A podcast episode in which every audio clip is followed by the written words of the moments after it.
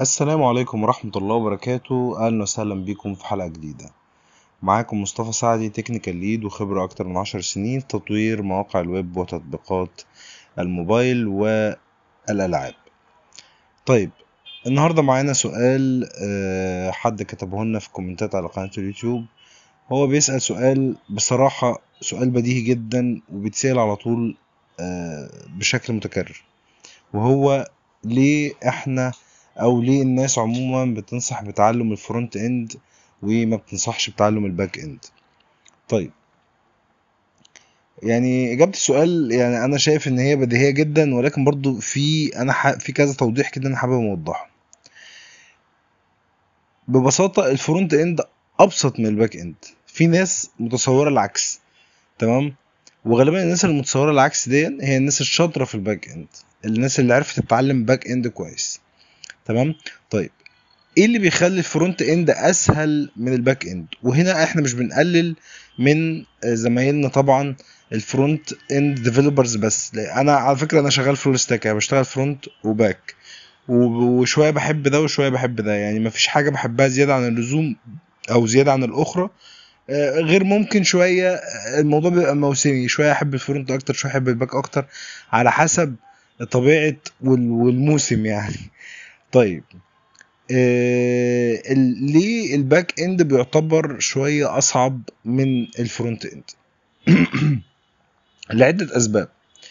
ال front end يتعلق في النهاية ب ان هو بيربط ال backend بال UI بتاع أي application فأنت دور ال frontend بيتمحور ويتلخص في إن هو بيبدأ يطبق ال UI أو واجهة المستخدم بالألوان والزراير وكل التفاصيل دي وبيبدأ يضيف لها functionality أو يضيف لها حياة عن طريق إن هو بيكتب شوية أكواد بتربطها بال backend وهنا دور ال frontend بينتهي.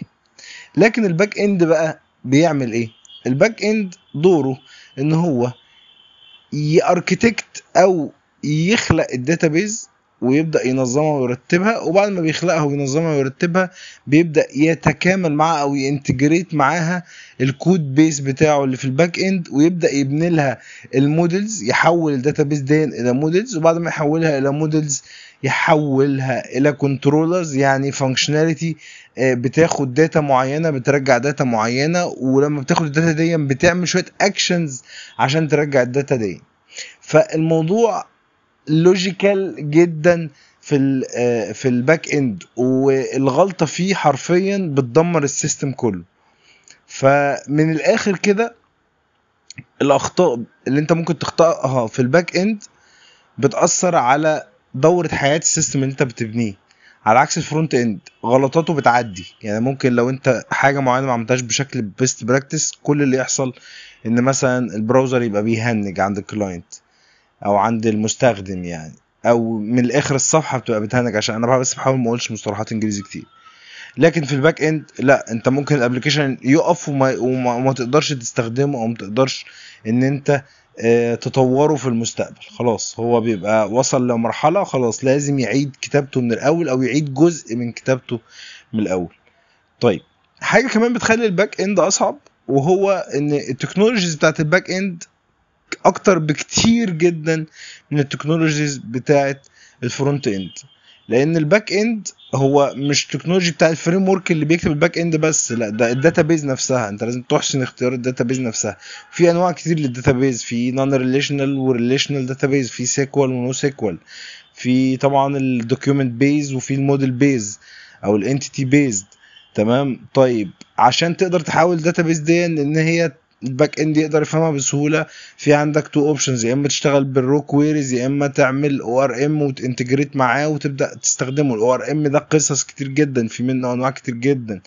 آه، وعلى حسب كل technology آه، نيجي بقى لل technologies ال backend ممكن تكتبه بال Node.js ممكن تكتبه بال Python ممكن تكتبه بال ASP.NET ممكن تكتبه بال ASP.NET Core ممكن تكتبه بال Java ممكن تكتبه بالسي شارب ممكن تكتبه بالسي بلس بلس حاجات كتير جدا. فهو مجال انت محتاج تتعلم حاجات كتير جدا عشان تبقى ملم بيه وفاهمه. آه، على عكس ال frontend عفوا.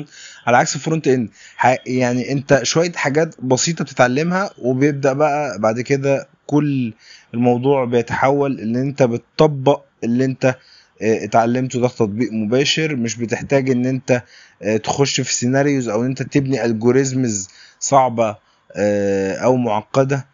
في ال frontend بشكل كبير طبعا بيحصل ولكن مش على طول ومش بشكل دائم زي ال backend فعشان كده إحنا دايما بنقول إن أنت لو حابب المجال بتاع ال backend بتروح له لو مش حابه ما تخشش فيه لأن هو هيديك آه انطباع آه شوية مش صحيح عن البرمجة إن هي صعبة. تمام؟ آه فعشان كده بقول دايما نبدأ بال HTML وال CSS وال frontend عموما.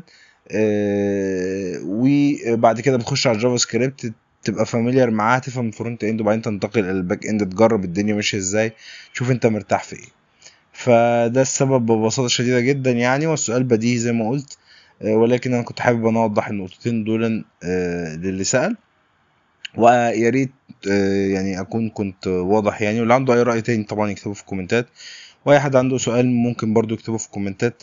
آه، لحد ما اشوفكم فيديو جديد آه، دمتم سالمين متنسوش تعملوا like للفيديو اشتراك في القناة وتفعلوا زر الجرس عشان توصلكوا كل الفيديوهات الجديدة. ولو بتسمعونا من أي ريت تعملوا like و comment هناك و share. آه، لحد ما اشوفكم آه، في حلقة جديدة. دمتم سالمين والسلام عليكم ورحمة الله وبركاته.